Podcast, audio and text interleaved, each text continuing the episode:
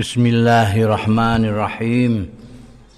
Qala al-muallif rahimahullah wa nafa'ana bihi wa bi ulumihi fid dharain amin. Diriwayatake an Imran bin Husain radhiyallahu anhu maqal ngendika sapa Imran qala nabiyyu dawuh sapa Kanjeng Nabi sallallahu alaihi wasallam khairukum mutai sak bagus-bagus sira kabeh iku korni zaman ingsun. Urun ingsun. Wis dadi bahasa Indonesia kurun niku dari korni. Sumal ladzina yalunahu monggo keri-keri. Wong-wong sing ngiringi ing korni Sumallazina yalunahum mongko keri-keri wong-wong sing ngiringi allazina yalunahum. Ya. Jadi nek Anjing Nabi ngendika khairukum qarni berarti itu zaman sahabat-sahabat itu yang terbaik dari kacamata agama. Karena parek karo Kanjeng Rasul sallallahu alaihi wasallam. Mereka tidak hanya mendengar dawuh-dawuhnya Kanjeng Rasul sallallahu alaihi wasallam, tidak hanya mendengarkan wahyu Al-Qur'anul Karim yang dibaca oleh Rasulullah sallallahu alaihi wasallam, tapi mereka juga melihat amaliyah perilaku praktik praktek dari Al-Quran dalam diri Rasulullah Sallallahu Alaihi Wasallam. Jadi tidak hanya mendengar, tapi ada contohnya. Itu korni, jadi zaman sahabat. Kemudian yang berikut mengikuti itu adalah tabiin, murid-muridnya sahabat. Itu mulai abad keserat apa pertama itu ke sini sampai abad kedua. Di sana ada tokoh-tokoh seperti Umar bin Abdul Aziz ada orang yang seperti Hasan Al Basri itu ini ada Said bin Musayyab orang-orang yang Syakbi orang yang menjadi murid-muridnya sahabat. Kemudian yang berikutnya atba'ut tabi'in. Mereka ini yang menjadi murid-muridnya tabi'in. Nah, kalau yang tabi'in mengikuti sahabat masih ada karena sahabat-sahabat itu orang-orang yang menjadi muridnya Kanjeng Rasul sallallahu alaihi wasallam dan masing-masing kepingin ngepas-ngepas no lakune karo Kanjeng Rasul. Sehingga meskipun tidak menangi Kanjeng Rasul, menangi sahabatnya Kanjeng Rasul, tapi ini, ini bisa mendengarkan apa-apa yang dingendikkan Kanjeng Rasul, apa-apa yang dilakukan oleh Kanjeng Rasul sallallahu alaihi wasallam. Demikian pula atba'ut tabi'in mendengar dari tabi'in. Sing lara kabeh kan awake dhewe iki ngliwati nek khairu qarnin qarni kemudian yang berikutnya kemudian yang berikutnya kemudian yang berikutnya mantap awake dhewe iki ana 15 kurun dhewe. 15 kurun. Dadi ana wong gendeng terus ngaku-ngaku ustaz barang niku ya. Ya wis pancen zamane, zamane. zamane zaman wis paling gak enak kabeh. Kala ngendika sapa Imran la adri adzakaran Nabi sallallahu alaihi wasallam ba'da qarnaini aw salasati qarn.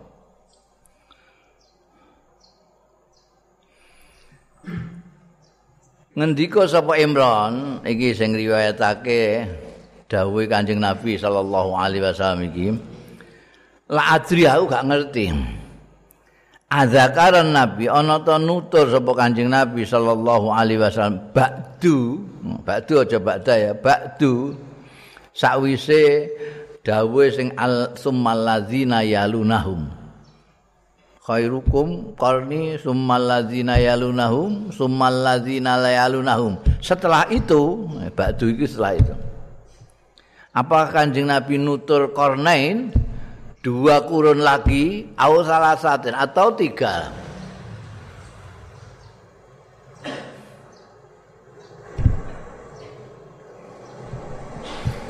Kala dawuh sapa Kanjeng Nabi sallallahu alaihi wasallam. Inna ba'dakum kauman. Setuhune iku sakwise ira kabeh kauman ana kaum. Yakhununa sing padha khianat kabeh. Walayu tamanu lan ora iso dipercaya kabeh. Kok kaya amanat? Ilang wis ngono ae. Wa yasadun lan padha nyekseni wala yustasyadun ora dijaluk nyekseni lho nyekseni Dene nyekseni nek roh dhewe mon ora dijaluki. saksi itu biyen-biyen iku ya karena diminta ya. Dimintai kamu apa menyaksikan dia ini mengaku bahwa ini miliknya apa kamu menyaksikan itu. Itu biyen. Guri-guri ramalan Kanjeng Nabi sudah terbukti. ada orang yang menyaksikan sesuatu tanpa dimintai persaksian. Sekepingin muncul di panggung, kepingin populer, terus ngomong ini-ini. Kadang-kadang malah tidak menyaksikan sendiri, mau kerunga-kerungu aja.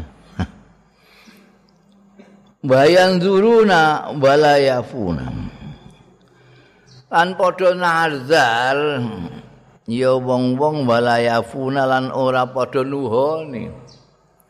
Nazar kalau sampai calon saya kalah aku meh ngetok dirijiku. Aku arep mlaku ke Jakarta tekan Surabaya layafuna eh orang nazar orang itu kan gara-gara keterlaluan dia mempunyai niatan itu. Tapi kalau dulu nazar dilaksanakan. Kalau tidak dinasakan ada sanksinya. Guri-guri iki. Itu, ba'dakum. Kanjeng Nabi entah menutur lagi setelah sumayan adzina yalunakum sumal ladzina yalunahum ini nutur lagi sumal ladzina yalunahum atau tidak. Tapi ada kata-kata beliau yang mengatakan inna ba'dakum kauman yakhun. Jadi ini entah pas atba'ut tabi'in apa pas tabi'ut tabi'it tabi'in apa terus sudah zaman-zaman setelah beberapa kurun kemudian itu ada orang-orang yang tidak bisa dipercaya. Mbok percaya belinjani. Mbok titipi ora dijogo. Ya. Ada insyaallah nguri-nguri. Ora dikongkon nyekseni nyekseni. Kadang-kadang ora nyekseni bang krungu-krungu muni nyekseni. Nazar nazar ora di tuhoni ora dilaksanakan. Nggih yang terakhir iki. Waya darulan pertelo fihim ing dalem kaum. Apa asamanu gendut? Wong gendut-gendut sombeni nek jaman anu itu kan wonge kuru-kuru mergo akeh sing do poso sing tirakat ngono ya. Ha iki nguri-nguri nyemil terus ae. Gendut. Gendut ini dalam pengertian yang uh, sesungguhnya hakikatan memang gendut-gendut eh ada yang bisa kiasan ya orang-orang itu perutnya mbah apa sing dilebokno ning wetenge iku. Mbah halal mbah haram ra karuan. Mbah mbah empal mbah sandal. Mbah aspal untali kabeh. Itu guri-guri masya Allah. Orang banyak yang khianat. Khianat itu artinya nyidrani komitmen. Komitmen tidak dijaga tidak dirawat. Hampir sama dengan layuk taman. Tidak bisa dipercaya. Amanat amal itu wah disumpah.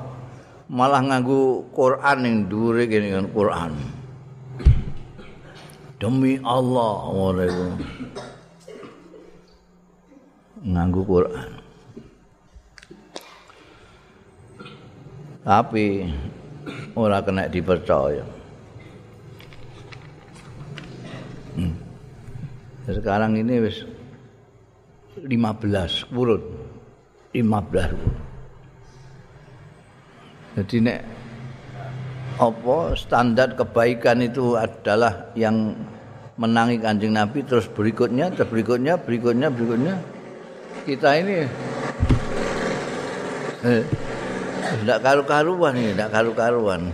Ijeh melok kanjeng Nabi Muhammad sallallahu alaihi wasallam wis syukur lah wis syukur. Ngono ya ana sing ora syukur apa-apa ya. Petentengan kaya yo yo. Kira-kira malaikat-malaikat ya kudu guyu juga iku ndelok wong saiki mlete-mlete. Kaya yo yo. Ora trimo hmm, rumangsa dadi gantine Kanjeng Nabi, gantine Gusti Allah bareng. Oh, ngapling-ngapling swarga neraka kaya yo yo potonganmu. Wong ngono iku nek ditakdirno urip zaman Kanjeng Nabi Muhammad sallallahu alaihi wasallam. Kira-kira melok Kanjeng Nabi melok Abu Jahal kira-kira. Wong mesem ra iso. Mesem ra iso. Isare mok jubahan tok. Ya jubahan Abu Jahal ya Abu Jahal jubahan. Abu Lahab ya jubahan. Bento. Oh coba kok di kok di apa jenenge? Didadekno busana Islam piye karepe? Hmm. Piye wong akhir zaman piye meneh? Busana kok Islam itu piye? Itu gak ono aturan busana islami barang gak ono. Wong guring-guri tok iki. Mungkin juga mau wong Indonesia tok. Busana kok islami. agama yang diasto kanjeng Nabi Muhammad Sallallahu Alaihi Wasallam itu seperti juga karakternya kanjeng Rasul tidak suka mempersulit orang. Sesuai dawai Gusti Allah yuridullahu bikumul yusra wala yuridu bikumul usra. Gusti Allah tidak menghendaki kalian sulit menghendaki kalian gampang. Iki ana wong sing mempersulit-sulit. Jadi aturan pakaian menurut Islam nutupi aurat titik. Emeh model nganggo jin apa model nganggo gendruwo. Pokoknya nutupi aurat. Jadi ana sarung ana jubah celana asal nutupi aurat. Sebab nek mbok kei gawe kudu jubahan, kudu jajasan. Kuwi ku engko daerah tropis sing panas. Ini betah-betahno. Ah ini wong sing anu kipas, kipas terus saya. Nek duwe santri gampang kon ngipasi. ya aneh. Jadi nek menurut tuntunan Kanjeng Rasul sallallahu alaihi wasallam. Orang ini enak, beragama itu enak sekali, nyaman sekali. Kowe wong ndi? Wong Jawa. Biasane piye sarongan? Sarongan. Kowe wong ndi? Londo biasane mbok celananan, celananan pokoke nutupi aurat. Oh no. Niki saking dedele apa saking kurang piknike iku rumah. Umangsane. Hmm. Mulane aku nganggo segala macam, bolak Iku kan pendidikan kalau masyarakat sing ngono kae. Aku pakaian macam-macam, pokoknya nutup ngaurat. Kadang-kadang sarungan, kadang jubahan. Iki sosok suwe gak dijubah, jubah entek dijaluk wong. duwe aku jubahan duwe. Pakaian Afghanistan duwe. Pakaian model apa? Sing gembelo bisa mukobani itu dua aku. Eh, gak mentolo nganggo. Wong Jawa sirai cilik kayak ikonan gembilo.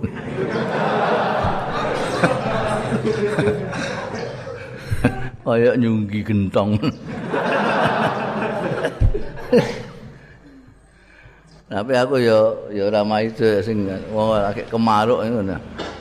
Kemaruk ana sing nganggo ngono ya ben. Aku kadang-kadang ngono kadang-kadang aku jin bareng. Ya. Ame mbok lokno. Hmm, mbok lokno. Kok ngaku jin? Nutupi aurat ora? Oh, jawabannya kamu. Ana kitabe. Nganggo jin gak sah. Tapi nek nu gak nutupi aurat itu pakaian apa ae gak nutupi aurat ya gak oleh. Ngono ya. Tapi ya wong pancen wis akhir banget. Sudah 15 abad. 15. Kalau ini yang terbaik, terus ini kemudian berikutnya, berikutnya, berikutnya. Oh iya, umpama digawe ae ya, mamane sahabat iku duwe murid tabiin. Kira-kira tabiin iku muridé Ibnu Abbas atau Ibnu Umar kaya Nafi segala macam kira-kira iso kaya sahabat apa gak?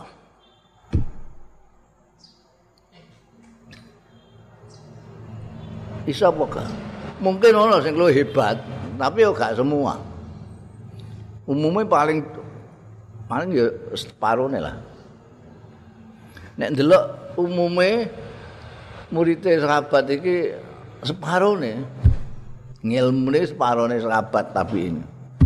Engko tabiin iki duwe murid tabiin tabiin terus separone terus duwe murid neh tabiin tabiin tabiin separone terus kowe uman piro? Pertanyaan ya jadi setengah setengah setengah. Aja mau setengah aja setengah kesitikan ya orang pertolongan kurang percaya nih sahabat mari ilmu sak teladane sak akhlaki barang ning gone tabiin 2 per 3 tabiin memberikan kepada atba'ut tabiin 2 per 3 terus ning gone atba'u atba'ut tabi'in 2 per 3. Kowe entuk pira? Hitung ah. Ngono kae. Rong pertelon. Eh? Rong pertelon. Dadi iki rong pertelon iku saka sahabat. Ning gone tabi'in rong pertelon. Nek kok sahabat ning gone tabi'in rong pertelon. Engko tabiin iki nek ning gone atba'u tabiin kan wis rong pertelone sahabat itu dadi 100%.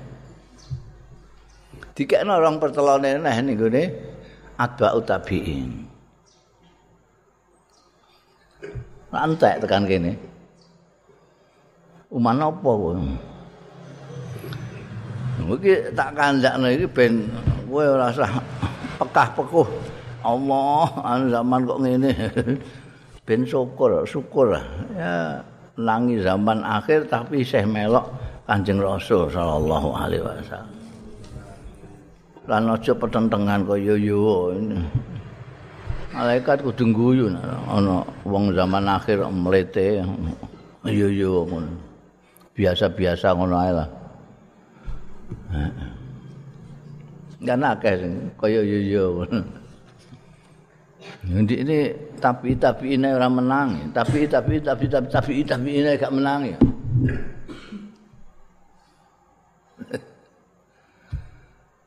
Kowe menangi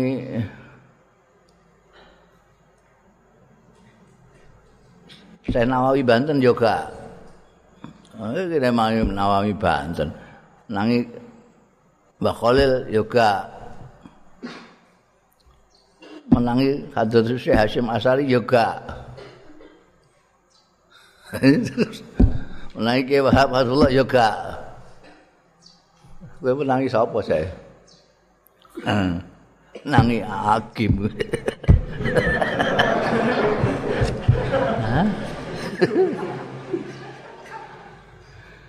Udah babu sadati zur wala kadziba fil islah. bab persaksian palsu dan tidak ada goroh fil islahi in dalam upaya mendamaikan Islam. Jadi tidak semua goroh, tidak semua dusta itu tidak boleh. Tidak semua dusta itu buruk. diriwayatake an Anas bin Malikin saya sahabat Anas bin Malik radhiyallahu anhu kala ngendika sapa Anas bin Malik suila disuwuni persa sapa Rasulullah Kanjeng Rasul sallallahu alaihi wa alihi wasallam disuwuni persa anil kabairi saking dosa-dosa gedhe dosa-dosa gedhe niku napa mawon Kanjeng Rasul Kala jawab sapa Kanjeng Rasul sallallahu alaihi wasallam. Pertama nomor siji al israqu billah. Nauzubillahi min dzalik. Al israqu billah. Nyekutokake Gusti Allah. Sing duwe langit Gusti Allah, sing duwe bumi Gusti Allah, sing netahno kita orang Gusti Allah. Kok sing mbok sembah sing ora-ora. sing mbok sujudi kok macam-macam. Isrok itu bukan mengganti loh, tapi membersamakan, mensekutukan itu misalnya. Jadi yo nyembah Gusti Allah tapi nyembah liyane iku isrok. Ya. Kayak wong Mekah biyen niku yo nyembah brahala, yo nyembah Gusti Allah niku. Mengmuni ya Allah Allah. Jadi kata-kata Allah itu sak durunge Islam enek. Ngono ya. Waulu waulu iku rumangsane. Istilah Allah itu lagi zaman Islam sakwise Kanjeng Nabi Muhammad sallallahu alaihi wasallam. Jadi pintu tapi keminter ya wong saiki iki ya. Dia muamu itu tapi Allah itu istilah Islam, tidak boleh dipakai yang lain-lain. Jadi ini lali. Ramane Kanjeng Nabi itu. Kanjeng Nabi lahir ramane wis kapundhut. Sopo asmane? Ramane Kanjeng Nabi apa asmane? Abdullah. Abdullah. Wis nganggo Allah. Kanjeng Nabi durung lahir. Lho, kene ane gak gelem mikir.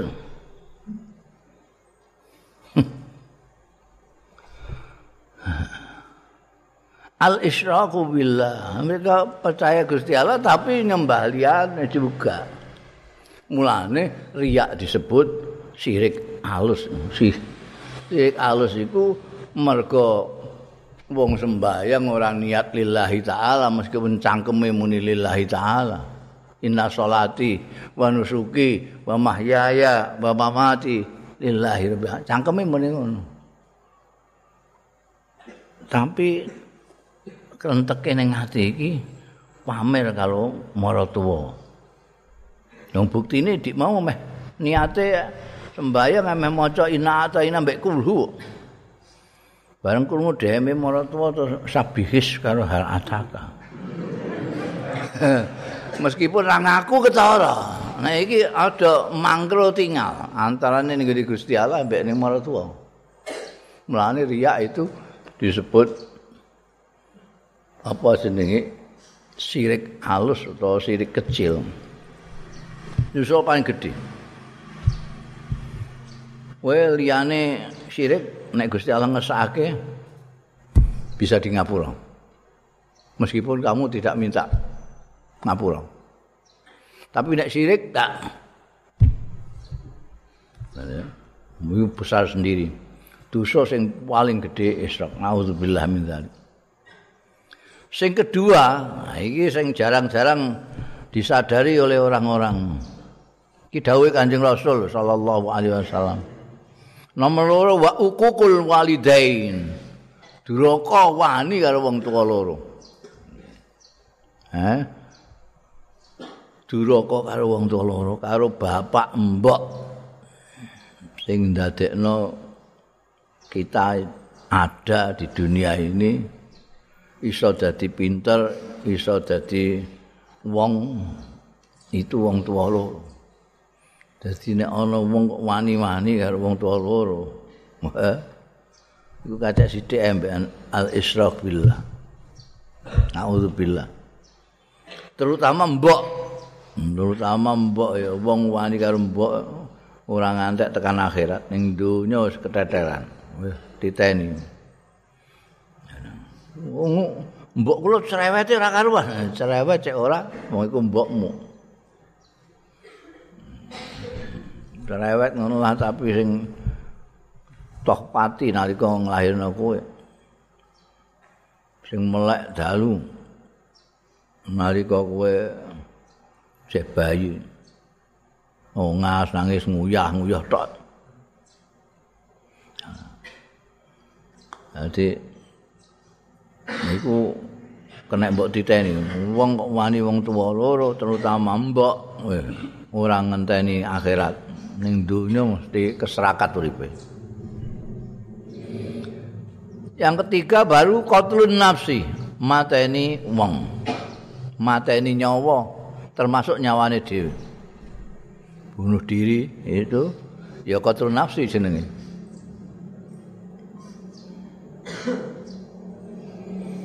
Kemudian wa syahadatuz zur. Persaksian palsu. Mbah mergo disogok, mbah mergo sungkan, mbah mergo apa saja dia membuat persaksian palsu.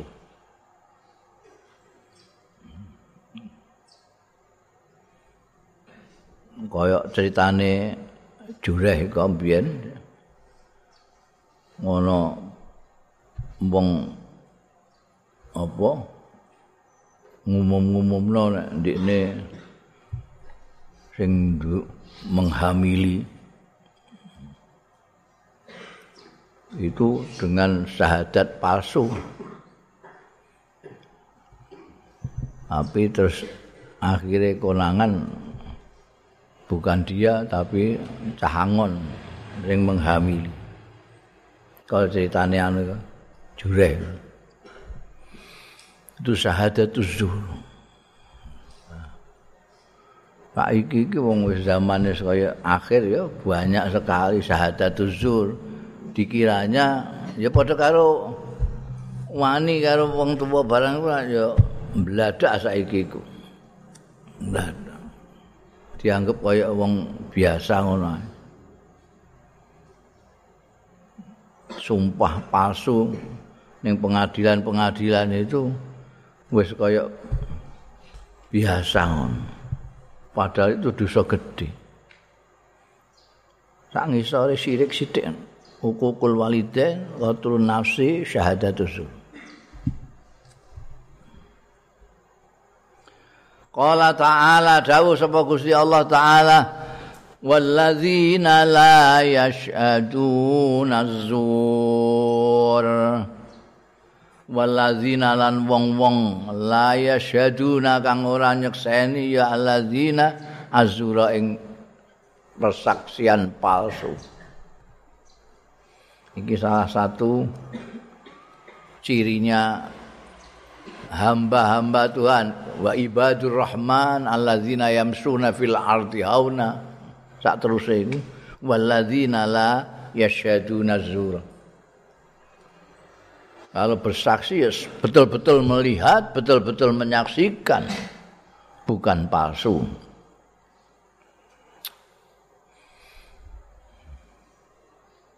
Bundel an Umi Kulsum binti Uqbah. Sanging Umi Kulsum binti Uqbata Kolat ngendika sama Umi Kulsum. Ini seorang sahabat perempuan tokoh perempuan. Kalat ngendika sapa Ummi Kulsum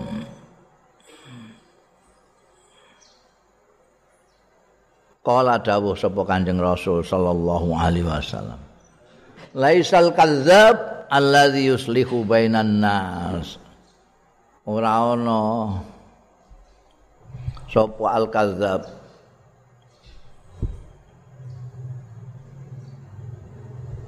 wong sing goro iku allazi yuslihu. Laisal kadzdzabal ladzi yuslihu ya kena. Ora ana iku wong sing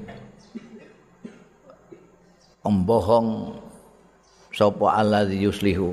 Ngono malah wis memper. Allazi yuslihu kang ndamekake ya lazi bainan nasi antarane manusa wayan mi mongko nukulake.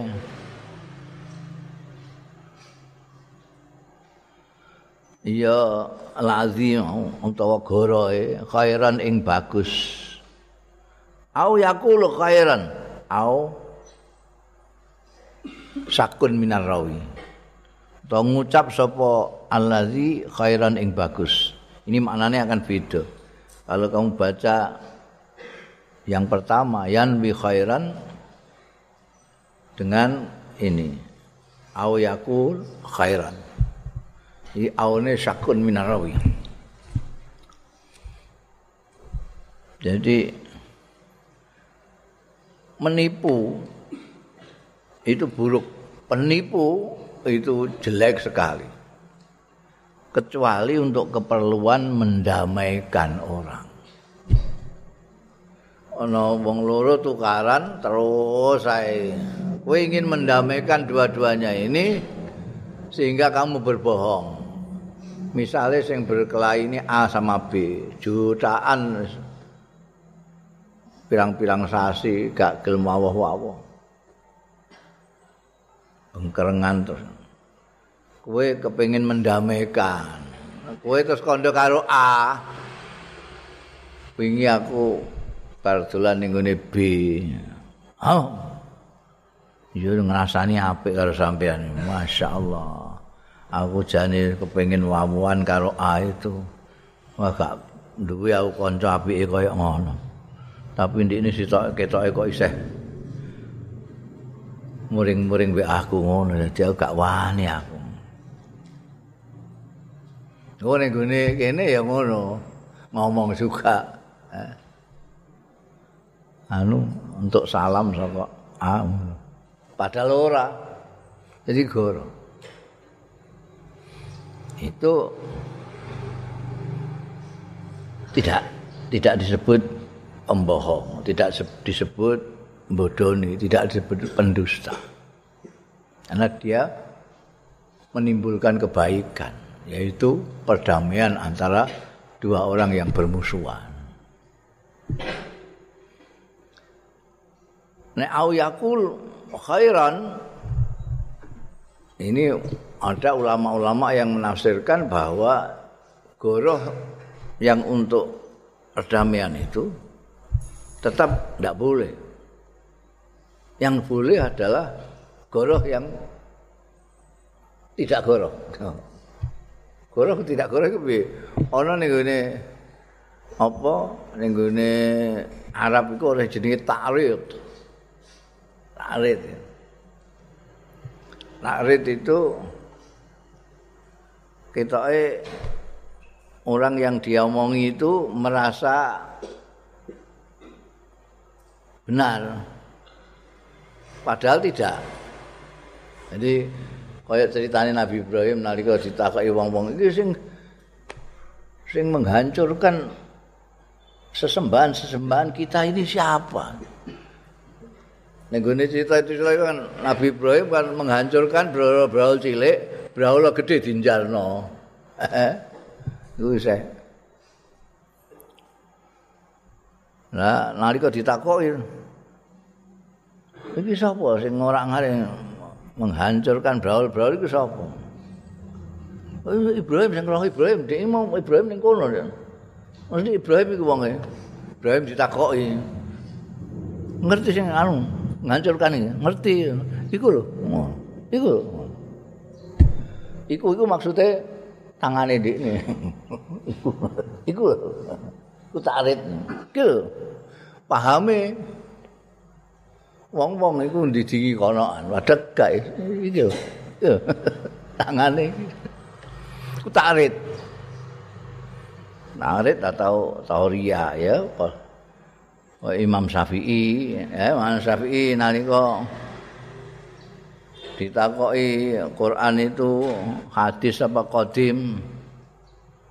Itu Imam Ahmad wis mlebu penjara gara-gara muni Quran qadim. Karena penguasanya mempunyai akidah Quran itu hadis. Karena dia pikirannya Quran itu adalah mushaf. Ya mesti ayat hadis kalau Quran mushaf. Padahal yang menjadi keyakinan ahli sunnah wal jamaah Quran itu ya kalamullah ini itu qadim karena sifatul minallah sifatul qadim. Imam Ahmad lugu aja jujur ya qadim. Mungkin tetap qadim penjara penjara pokoknya tetap qadim. Nah, Imam Syafi'i kan enggak. Langit bumi Quran. Ini di kabeh iki hadis. Oh, mulai ya terus dijuluki Imamul Azam ngono. Kabeh iki ya dici-cici iki lah hadis kabeh. itu loh. Itu iku nek gak ahli mantek, gak ahli anu bahasa ya ora iso kayak tauriah atau takrid itu.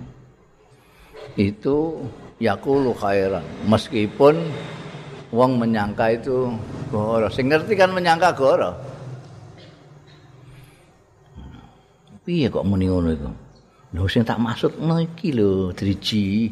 Eh ngono.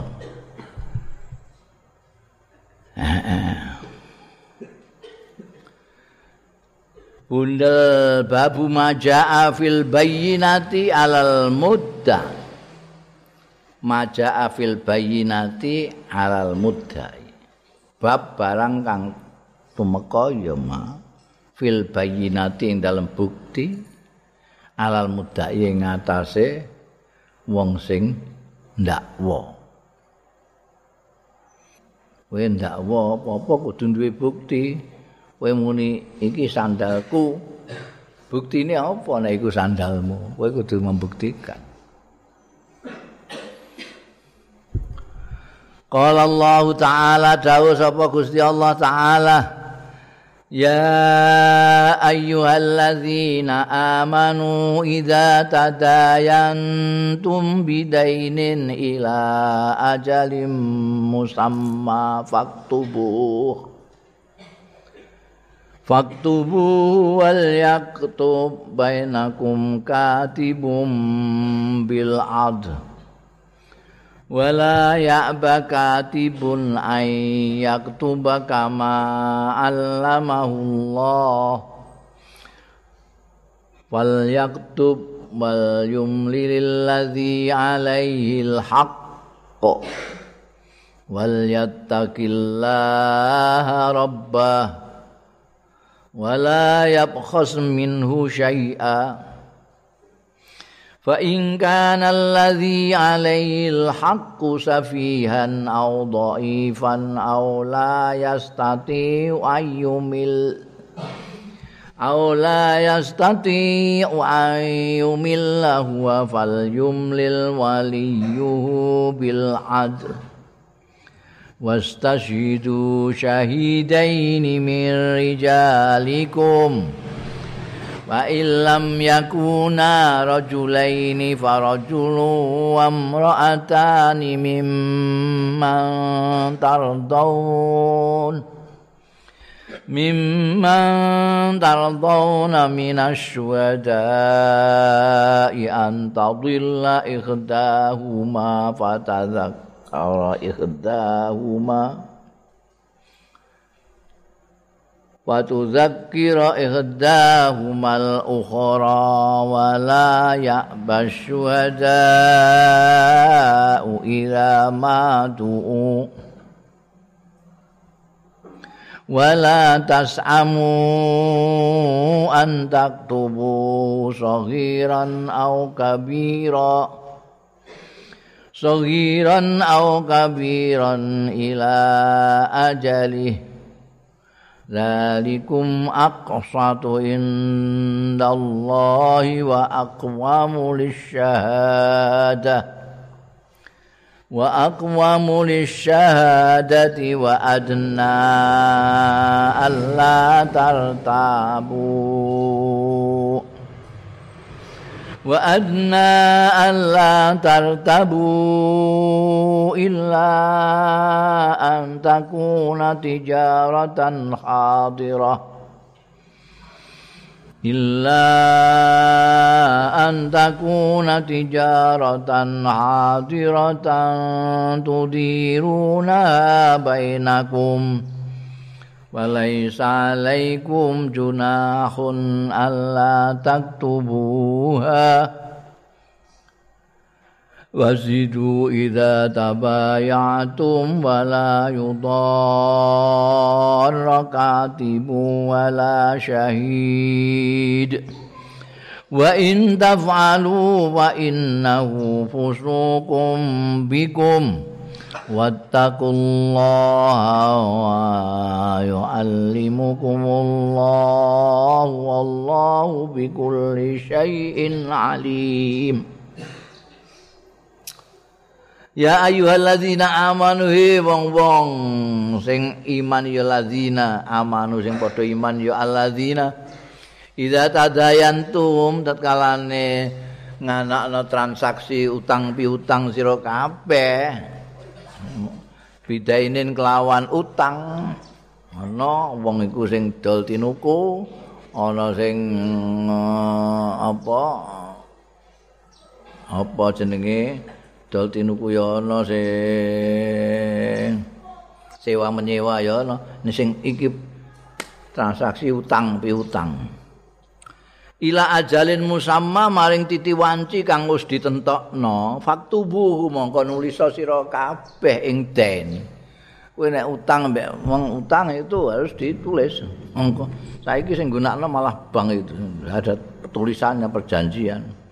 Utang akan bayar tanggal sekian tanggal sekian ini ditulis toh.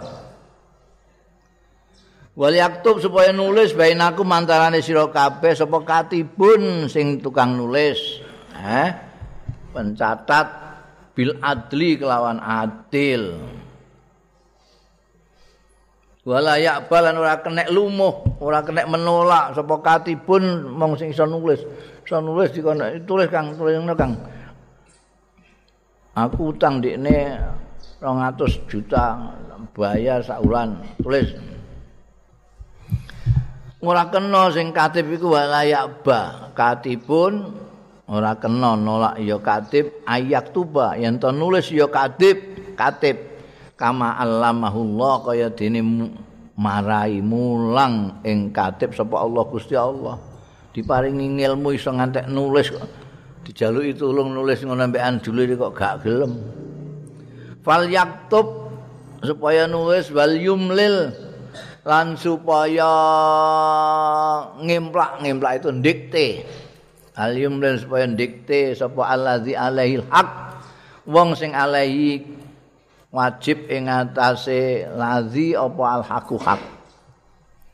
Seperti sudah berulang kali saya katakan nek ala itu dia yang hutang nek la lahu itu yang punya hutang.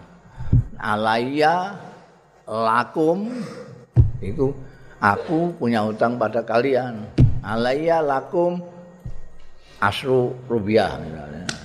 Itu. Nah iki sing allazi alail haq. Jadi sing diktekno iku sing utang. Allazi alaihi bukan allazi lahu. Nek lahu sing duwe piutang. Sing alai sing duwe utang. Jadi sing dikte tulis Kang. Aku tang dikne 10 juta tak bayar seumpen sak ulan yang akan datang. Waliyatakillah rabbau supaya wedi sapa allazi rabbau ing pangerane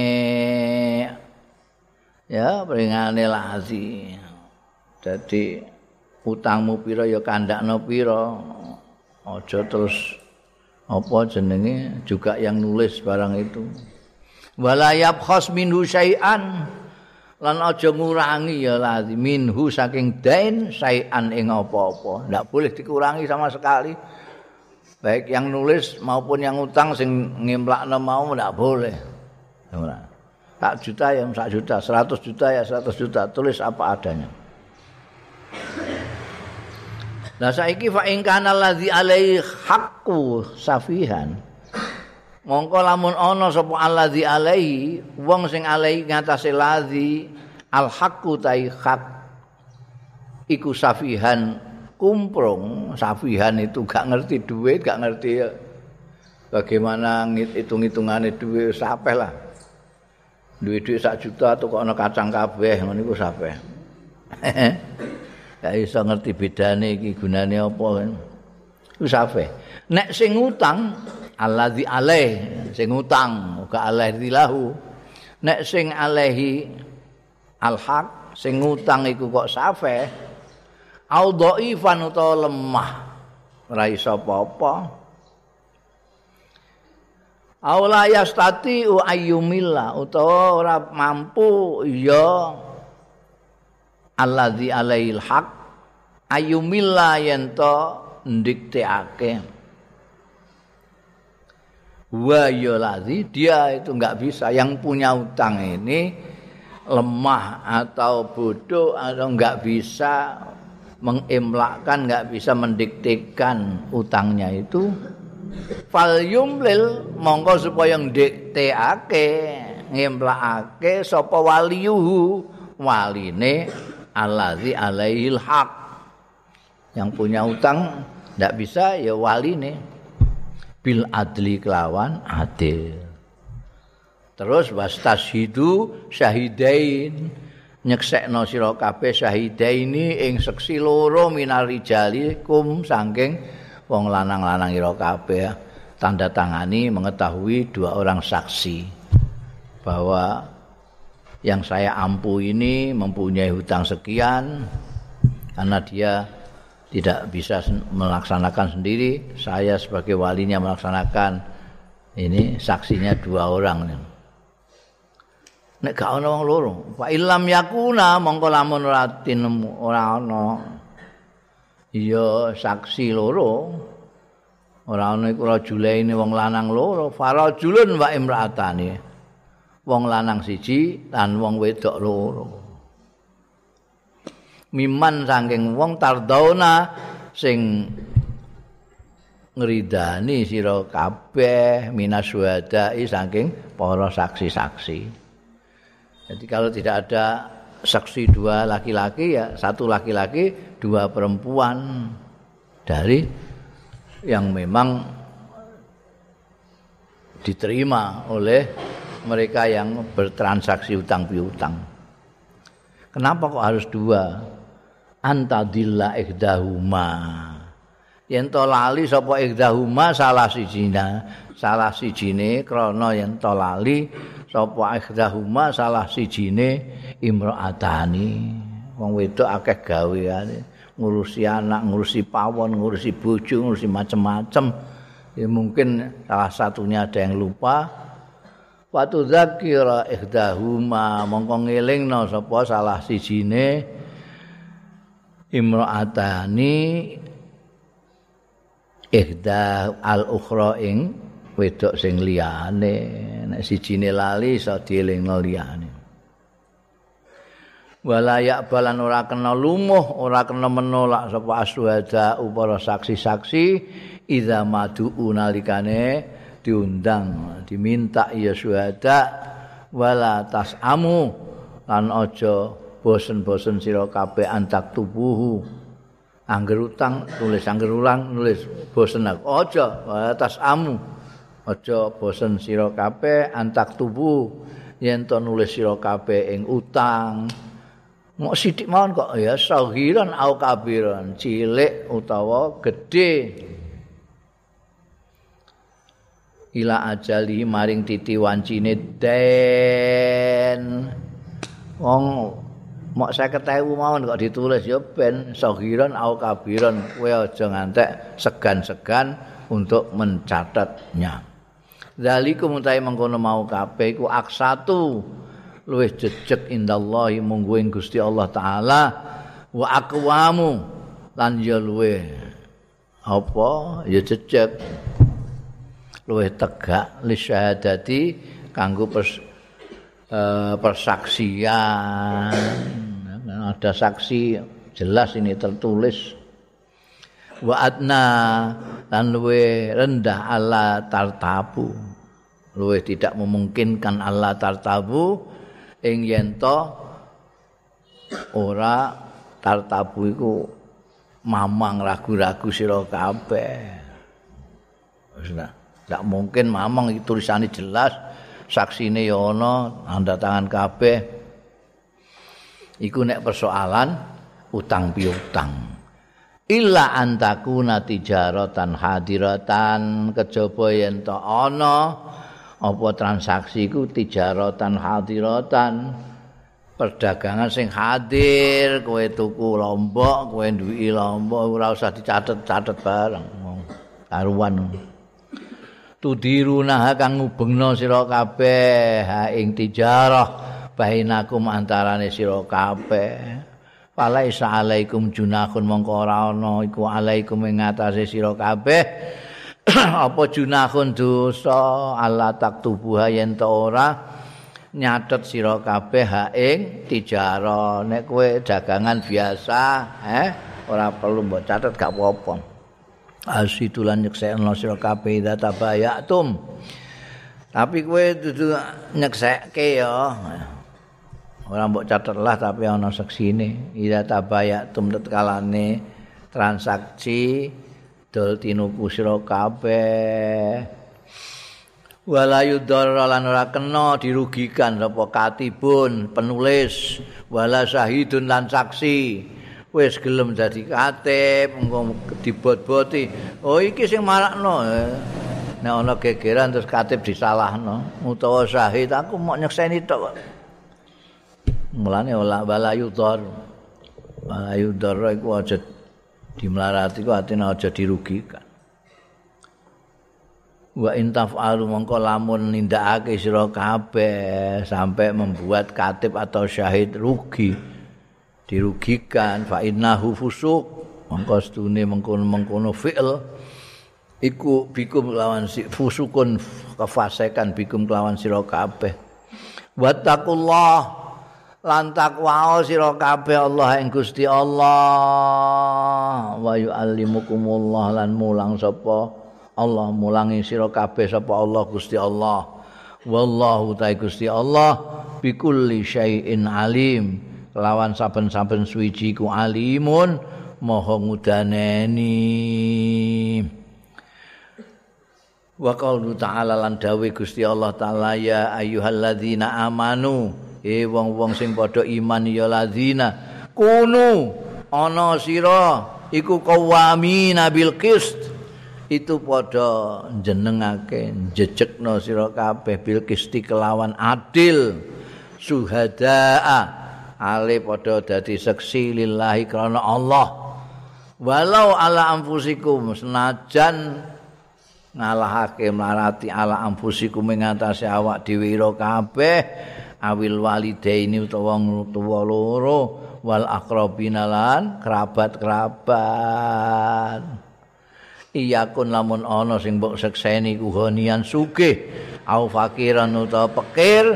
Wallahu mongko Gusti Allah iku aula. Luwih berhak bihima kelawan sing goni maupun sing fakir. Gusti Allah dhewe berhak. Fala tatabi'u al hawa mongko aja ngetutno sira kabeh al hawa ing hawa nafsu. Anta dilu ing yen nyimpang sira kabeh. Wa intalmu mongko lamun minggok sira kabeh. Autu ridu ta berpaling sira kabeh. Fa innallaha mongko Gusti Allah kana ana sapa Gusti Allah bima tak malun kelawan barang kang nglakoni sira kabeh iku khabiran. Maha waspada ya kamu jadilah orang-orang yang menegakkan keadilan dengan adil menegakkan kebenaran dengan adil menjadi saksi dengan adil. Tidak boleh dengan ukuran-ukuran kepentingan-kepentingan pribadi. Oh disuruh menjadi saksi tapi ini kalau saya saksi menyatakan sebenarnya saya akan rugi. Tidak mas jangan sampai kamu sampai apa bersaksi palsu gara-gara kamu tidak mau dirugikan. Kalau tidak kamu ya, wah ini soalnya ini wong tuaku bisa keseret-seret dengan aku bersaksi ini. Tidak masalah. iki iki ponakanku dhewe iki kerabatku dhewe jare. Ana aku bersaksi ndekne mlebu ning ngene anu. Wah iki iso ndekne tambah melarat ngene iki. Iku ora urusanmu Gusti Allah sing berhak itu. Apakah itu nanti orang yang kamu persaksikan itu akan menjadi melarat atau tambah suge enggak urusan. Itu urusannya Gusti Allah. Gusti Allah lebih berhak. Mbok pikirlah apa kowe mikir yang kamu harus lakukan adalah kamu menyaksikan apa yang kamu ketahui dengan kis dengan jejak tanpa menggak-menggok dan itu semua hawa nafsu untuk bilani awakmu dhewe, bilani wong tua loro, bilani kerabat sak itu harus hilangkan semua. Jangan diikuti. Sebab kalau kamu mau macam-macam Gusti Allah besok kabeh. Nah, ada yang tidak dipesani karo Gusti Allah. Gusti Allah waspada sekali apa yang kalian lakukan. Jadi harus jejak jadi saksi yang adil meskipun itu akan merugikan diri kamu atau orang tua kamu atau kerabat kamu. Babu yahliful mudda alaihi wallahu alam